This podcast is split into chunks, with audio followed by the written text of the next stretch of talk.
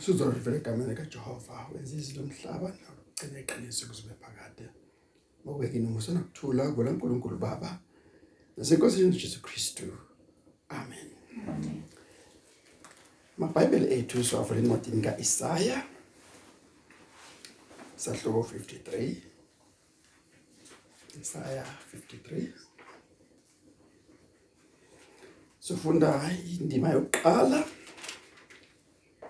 sisime kweshumi elinambili Isaiah chapter 53 from verse 1 to verse 12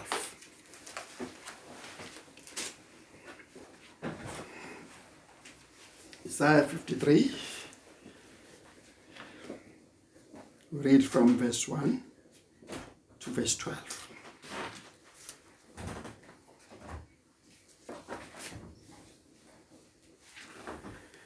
Kubani owakholwa ngesikuzwileyo? Ingalo kaJehova yambulelwa bani na? Ngokuba yakhula njengehlumela phambi kwakhe. Njengempande emhlabathini omileyo. Engenasimo nabuhle kuba siyibuke. Engabukeki ukuba siyifune. Yayideliliwe ishiwa ngabantu. Umuntu obhlungu owazi ukugula yeyiswa injengosithezela ubuso ngabantu. Asishanga nto yalutho. Yabe yazithwala izifo zethu. Yabetshatha ubuhlungu bethu. Kodwa thina sathi ijezisiwe ishawa nguNkulunkulu ihlushiwe yebo yalinyazwa ngenxa yeziphambeko zethu. Yachotshozwa ngobubi bethu. Isijezisa siphezulu kwayo kuba sibe nokuthula. Nangemivimbo yayo siphilisiwe thina. Thina sonke sadukile njengezimvu yilona loyo uphendukele endleleni yakhe uJehova wehlisela phezukwayo ububi bethu sonke. Yacindezelwa kepha noma yathotshiswa ayivulanga umlomo wayo. Njengewundlu eliyiswa ekhlatshweni nanjengemve ethule phambi kwabagundi bayo ayivulanga umlomo wayo. Yasusa icindezelweni nasokwahlulelweni ubani ezulweni sayo wacabanga ukuthi yahlwithwa ezweni labaphilayo. Ishawa ngesiphambeko sabantu bamina babeka ithuna layo kanye nababi. Ekufeni yayinabenza okubi. Noma ingenzanga endluzula kungekho nankohliso emlonyeni wayo. Nokho uJehova wathanda ukuyishaya ngezifo lapho kwenza umphefumulo wayo bengumnikelo wecala. Iyakubona inzalo yayo yenze izinsuku zayo zibe ziningi. Nentando kaJehova yakuphumelela kahle esandleni sayo. Ngokuhlupheka komphefumulo wayo yakubona eneliswe. Ngokwazi kwayo inceke yami ilungileyo. Yakulungisisa abaningi ithwale izono zabo. Ngalokho ngiyakuyabela kanye nabakhulu. Yahlukanisa impango kanye kanye nabanamandla ngokuba yawuthulula umphefumulo wayo ekufeni. Yabalwa kanye nezilelesi yathwala nokho izono zabaningi yakhulekela aboni. Izwi lakho leli simakade siyabonga kangaka ukulibeka enhlizweni zethu. Khuluma ke ngalo igama lakho lidunyiswe. Amen. Ngibingelela ke nonke bazalwane egameni lenkosi uJesu. Ngiyathanda ukuthi namhlanje na ke sibheke lamazwi esiqeda ukuwafunda.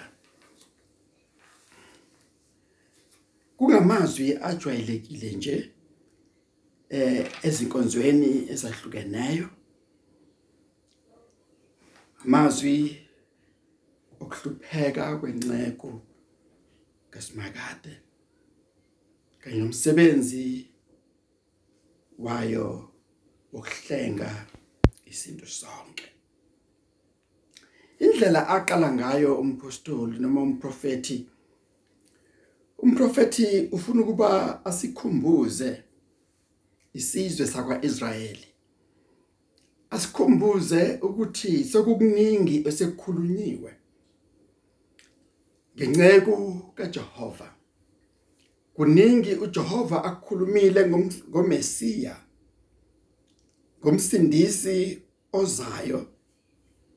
Kuningi athembisile nabaprofeti abakhulumile ngakho. Mhlambe singakugcizelela futhi nokuthi phakathi kwethu kuningi sokushunyeliwe ngensindiso nangoJesu Kristu. Njengenkosi nomsindisi wesintu. Yingakho ke umbhali noma umprofeti ekhuluma lamazwi noma eqala ngalombuzo ubani okholiwe? Ubani okholiwe? Ilokho esikuzwileyo na lelizwi esishinyezwe lona leli vangeli elimenyezelwe phakathi kwethu. Ubani okholiwe? Yilona. Kwenye indawo Isaya ukhuluma ngokuthi bayezwa kodwa bezwisise. Bayabona ababonisisi. And nalana ikona afuna ukuba sikubone ukuthi lizwakele izwi lakhe. Lizwakele emhlabeni wonke. Ukukhuluma kukaNkuluNkulu weqe imihosha namagquma izintaba nemifula. Kodwa umbuzo uthi bakholiwe yini lelo lizwi na? Ukhona nolamkele ngokukholwa lelo lizwi na? Uze aqhubeke athi ubani osibonile isandla sika Jehova esisindisayo? Ngoba uyilulile ingalo yakhe ukutakula abantu abasezinkingeni abasezonweni. Ubani osibonile leso sandla somhlengi? Ubani osibonile isandla somsindisi omenyula omtakula ezonweni zakhe na? Ngalo kaJehova ibonakele kubani na? Andimesuka lapho ufuna ukuchaza ukuthi umsindisi ubekhona umsindisi usebenzile. Umsebenzi wakhe ubonakele. Isandla sakhe abampofu basibonile. Mawubala ikakhulukazi kumavangeli mawubala umsebenzi wokulashwa kwabagulayo nezimpumputhe ezivuleka amehlo kubonakele. Kodwa ufuna ukuba sibone futhi ukuthi waba ngumuntu phaqa waba ngumntwana njengabanye abantwana ngokuba yakhula njengehlumela phakathi kwethu noma phambi kwakhe. uJesu uze wathabatha ubuntu njengengcebo kaSimakade ezosindisa isintu. Khumbula phela lo mbhalo okusencwadini yesambulo ukuthi zavulwa incwadi kodwa kwakhona umbuzo ukuthi ubani ozothunywa ubani onamandla okufunda izimpawu esencwadini iwundlu ilona ela zinikela ukuthi ithuma mina. Thuma mina ngiyosindisa isinto ngakho ethi ubani wakholwa ilokho? Ufike njengomntwana wakhula njengehlumela empandeni kaJese uma ufunda isahluko 11 Isaiah 11 kusho njalo ukuthi uyihlumela esiqwini sika Jese uyihlumela lenzalo kaDavide. Noma ngabe kuthiwa isiqu isihlahla esikhulu sigenciwe sabekwa phansi sombuso kaDavide. Kodwa nanti ihlumela wakhula njengehlumela phambi kaSimakade nanjengempande emhlabathini owomileyo. Engena engena simo nabuhle uba siyibuke engabukeki ukuba sifune. Uyihlumela kodwa futhi ufike osizini ukhule emhlabathini owomileyo. Impande ebizabalaza ukutshona phansi impande ebizabalaza ukukhulisa isithombo ngoba isemhlabathini owomileyo. Injalo impilo kaKristu ayizange ibe impilo ebuthebelele ayizange ibe impilo ekhaphuzelayo kodwa kuba impilo yosizi impilo yobuhlungu. Wengenasimo sobukhosi. Wengabukeki njengenkosana yezulu.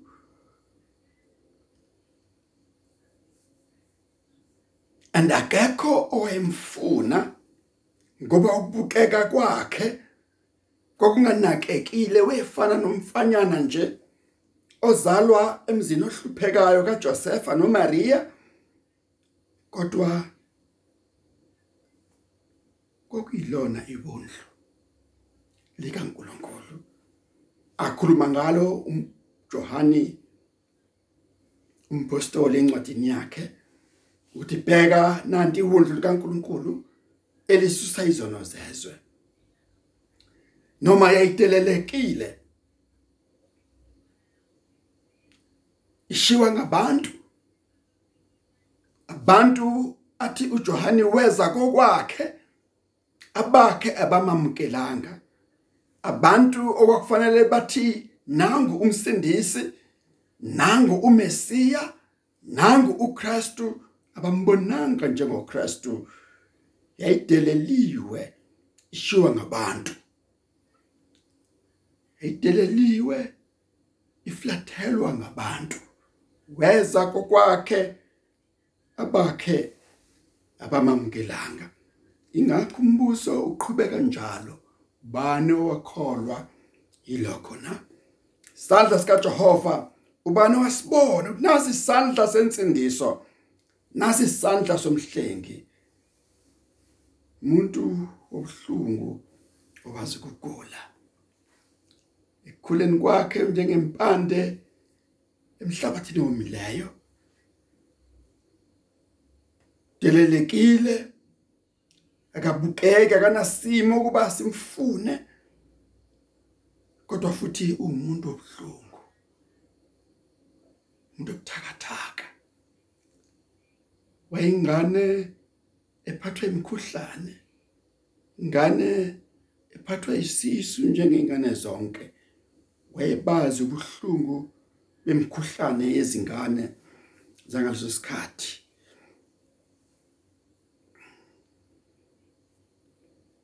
Andinokudeleleka yeyiswa. Abantu babengafuna ukumbheka. Weyiswa. Khumbula amafunda igospel kaJohannes isahloko sesikhombisa gospel of John chapter 7 ukuthi nabafowabo babengakholwa nguye. Weyumuntu odelelekile umuntu oshiwa ngabantu.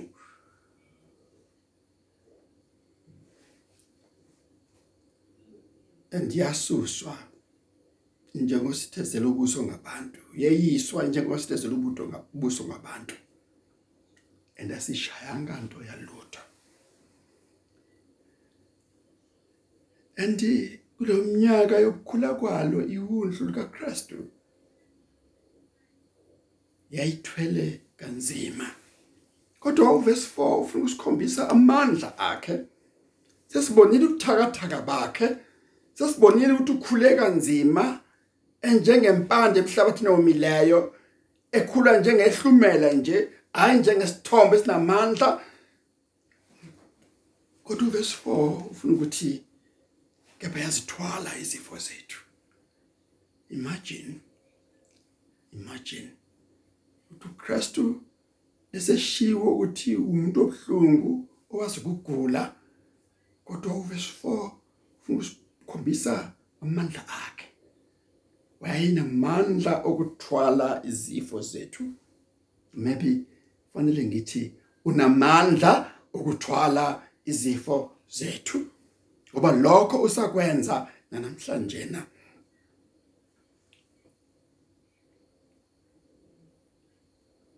namandla okutshatha bonke ubuhlungu bethu. Zonke izifo zethu konke ukugula kwethu.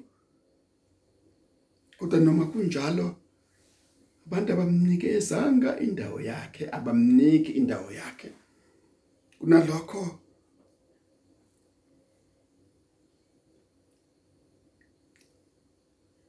isinto sithi ujezisiwe uNkulunkulu umshiyile uhlushiwe ngoba bebona ukulinyazwa nokuchotshozwa kwakhe. Ya yachotshozwa yalinyazwa exa iziphambeko zethu. Azange abantu besikhathi sakhe babone ukuthi uMesiya noma inceke kaJehova ihlupheka ngoba ithwele izono zesintu ihlukumezeka ngoba ithwele izono zethu. Kodwa kunalokho bathi ijezisiwe ihlushiwe kuNkulunkulu yalinyazwa ngenxa yesiphambeko zethu. Beka uJesu ehlukumezeka bese ubheka ukuthi lokho kwakuyinkokhelo yezono zakho. Beka uJesu ewa nesiphambano engakwazi ukusukuma simsinda bese uthi lokho kwakungenxa yezono zakho. Bheka uJesu eshaywa ngesiswebhu nangekalvas noma ngemvubu noma ingane. bekuJesu ehlohlolozwa. bekuJesu ekhafulelwa ngamathe. Yebo yalinyazwa ngenxa yeziphambeko zethu. Yachotshozwa ngobubi bethu. Isijeziso esasifanele thina sasiphezu kwakhe ukuba sibe nokuthula. Ngikhumbula manje abantu basendulo ababem understand mhlawumbe kangcono uJesu nabantu banamhlanje na ibakhumbula behlabelela bethi wena Jesu waba ngokuthula. Waba ngokuthula kwami. Ilokhu izwi elikushoyo lana uthi sijeziso sasiphezulu kwakhe ukuba sibe nokuthula. Ngaleso sijeziso ngaleyo mvimbo wasithengela ukuthula. Ingakho ezinkonzweni kuvalwa ngalelizwi ukuthi ukuthula kukaKristu okudlula uqonda konke. Makube phezukweni ngemivimbo yayo siphilisiwe thina. Silashiwe. Silashwe ezonweni zethu ebesifanele ukulahlwa ngazo ebesifanele ukufa ngazo. Salashwa ezifweni zethu ebezisemzimbeni yethu. Ngemivimbo kaKristu silashiwe. Salashwa kwimimoya namadimoni. Nawo onke amandla kaSathani abekufanele asiqothule ngemivimbo yakhe. Silashiwa kuthini lokho na? Ukuthi xa ngizwa izinhlungu zingihlasela ngimkhumbuze uJesu ukuthi sisuse baba ngoba nalezi zabalwa kuwe nalokuqaqamba kwabalwa kuwe nalokuhlungu wangithwalela bona ngemivimbo yakhe yo. Indodana kaNkuluNkulu siphilisiwe thina. Evesini lesithupha noma uverse 6 walencwadi kaIsaiah 53 ufuna ukusikhumbuza ukuthi kungenxa yethu thina sonke sadukile njengezimvu yilona loyo uphendukele endleleni yakhe. uJehova wehlisela phezukwayo incebo yakhe ububi bethu sonke. Sonke sadukile. Lithi izwi ngelinye ilanga bonke bonile. Bonke basilelwe inkazimulo kaNkuluNkulu. Akakho lungileyo akakho noyedwa. Kodwa bonke bayizimbuqe zesono. Ilokhu kushiwo lana thina sonke sadukile. Aze afike uJesu azositakula ekudukeni kwethu. Uthi ke umuntu wenguquko memhlabelela athi inkosi yami wangifuna ekulahlekeni kwami.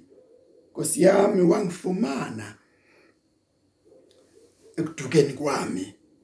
Yacindezelwa kepha noma yathotshiswa ayivulanga umlomo wayo. Ndodana kaNkuluNkulu yathula yathula yabindela yabindela. Yathula yaqinisela yasithwala isiphambano yakubekezelela ukudelelwa yakubekezelela ubuhlungu yakubekezelela konke ukuze izuze imphefumulo yethu izuze inkokhelo yenhlawulo yethu. Yacindezelwa kepha noma yathotshiswa ayivulanga umlomo wayo. Njengewundlu eliyiswa ehlatshweni njengemve ethu phambi kwabagundi bayo. Ayivulanga umlomo wayo. Wathula. Wathula. Wathula. Noma sebethi siphendulele. oBlatu amakhosi omhlaba bezipha amandla phezulu kwakhe. Bathi sinamandla okukhulula sinamandla okubopha siphendulele. Wathula wathula wathula wasuswa egcindezelweni sakwahlulelweni kubani ezulweni sayo owacabanga ukuthi yahlwithwa ezweni labaphilayo? Wahlwithwa ezweni labaphilayo. Sakubona lokho ngenethuneni sakubona lokho ehlwithwa ethuneni evuka. Sakubona lokho ngokwenyuka uthi ususiwe ezweni labaphilayo. Ize isho ingelosi sithi uJesu lo suswakini uyakubuya kanjalo. Eshawa isiphambeko sabantu bamina babeka ithuna layo kanye nababe prove ukuthi wayefile impela wayefile isibili. Bekwa ithuna lakhe kanye nababi ekufeni wena benza okubi. Noma ngayenzanga endluzula ngekho nankohlise emlonyeni wakhe. Kodwa wabethelwa kanye nezelelesi. Wabalwa kanye nezigebengu zomhlaba. Wabalwa kanye nabantu ababi. Engenzanga indluzula. Nokho uJehova wayethandile.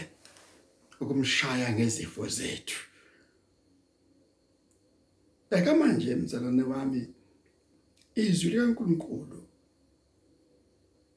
Gospel of John chapter 3 verse 16 lapho kuthi khona uNkulunkulu walithanda izwe kangaka.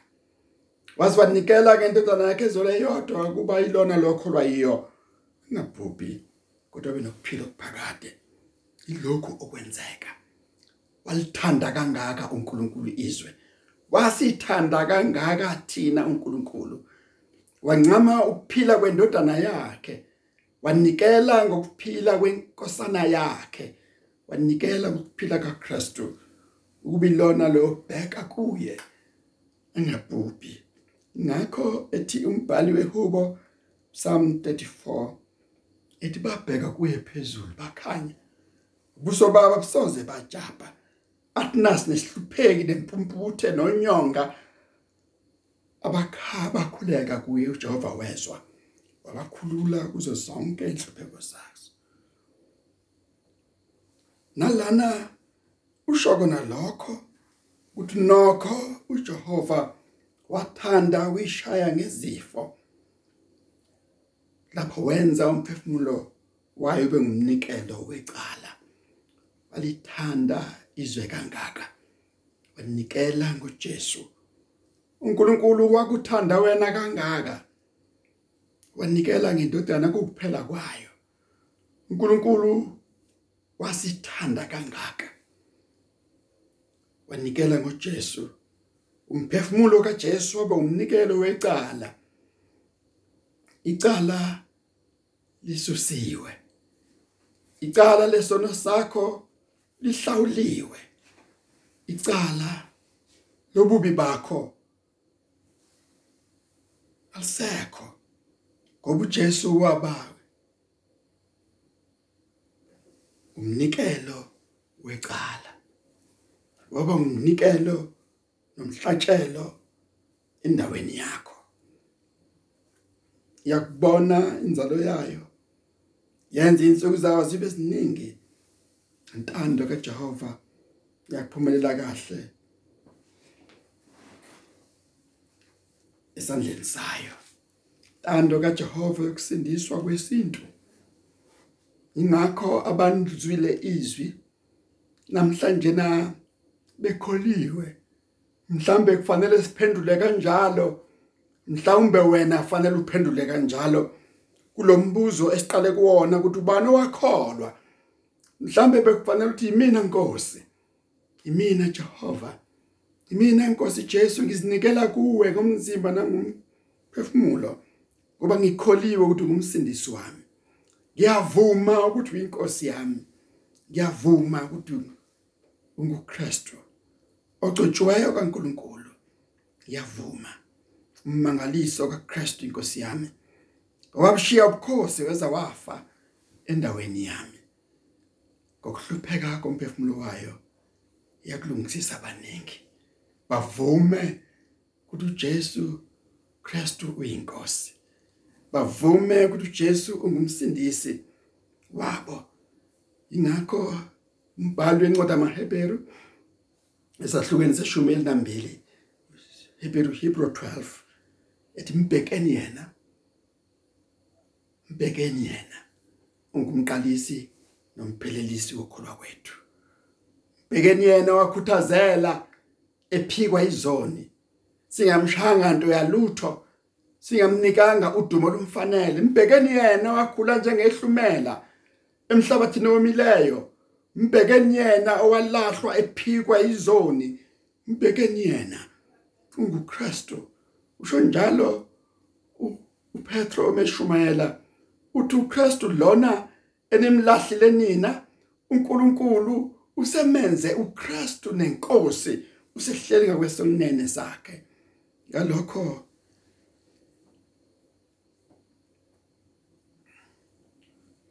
Ngalokho ngiyakuyabela kanye nabakhulu.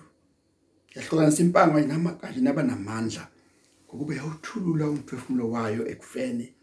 Yabalwa kanye nezelelesi. Yathwala nokho izono zabaningi yakhulekela abone. Yebo ngiyakholwa Nkosi. Bekufanele kube impendulo yakho lokho. Uthi yebo ngiyakholwa Nkosi. ukuthi esiphambanweni kongenxa yami yebo ngiyakholwa Nkosi ukuthi amacala ami onke athethelelwe yebo ngiyakholwa Nkosi ukuthi wangifela. Yebo ngiyakholwa Nkosi. Ukuthi umsindisi wami. Mbuzo othi ubani wakholwayo uphendule kanjalo. Uthi yebo yimina Nkosi. Sebekuyekile bonke abantu bomhlaba. Ngizinikela kuwe komzimba nangengqondo. Mangibe ngumnikelo kuwe phakade ngiyakholwa amen siyabonga Nkosi Jesu. Siyabonga izwi lakho. Andisiyakholwa manje. Sichithe isikhathi esiningi sidlala singabonanga sihambisa kwabantu bezwe sizifanisa nabantu bezwe sizilinganisa nabantu bezwe. Impela bekuyithina esingakholwanga. Kodwa izwi lakho lifikile nakithina lafinyelela enhlizweni zethu. Lasenza saba ngabakholekileyo. Busisa izimpilo zethu. Sigcwalise baba ngomoya wakho ingcwele.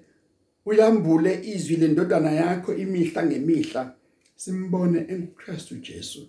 Simbone engumsindisi. Simbone engumesiya othenjisiweyo. Siletha Nkosi imindeni yethu kuwe. Siletha izwe lakithi. Siletha izifo ezihlasele lelizwe nezifo ezihlasele thina uqobo. Sithi Nkosi ngemivimbo yakho silashiwe. Kuba emthini wesiphambano wazithwala nezethu izifo wawathwala nawethu amacala. Susake baba lonke ukhuvethe lwesifo olukhona ezweni lakithi. Ususe nesifo sokungakholwa. Usenze amehlo ethu avuleke. Njobe inceke yakho uDavide esho ethi vula amehlo ami bangibone insindiso yakho. Enze njalo kithina singabiza impumputhe zikamoya kodwa siqonde imfihlakalo yokukholwa kuKristu Jesu. Sibusiseke emakhaya busise emsebenzini busise abantwana bebile ezikolweni busise othisha abasesibhedlela abahlengikazi nabagulayo nodokotela. Konke sekubeka kuwena. Egameni lika Jesu Kristu sithi Nkosi ukwethaba nenjabulo kuyoza ngawe kuphela.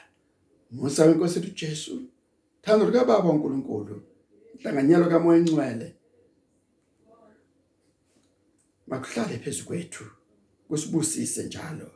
Azafika uJesu Kristu inkosi yethu. Amen. Amen.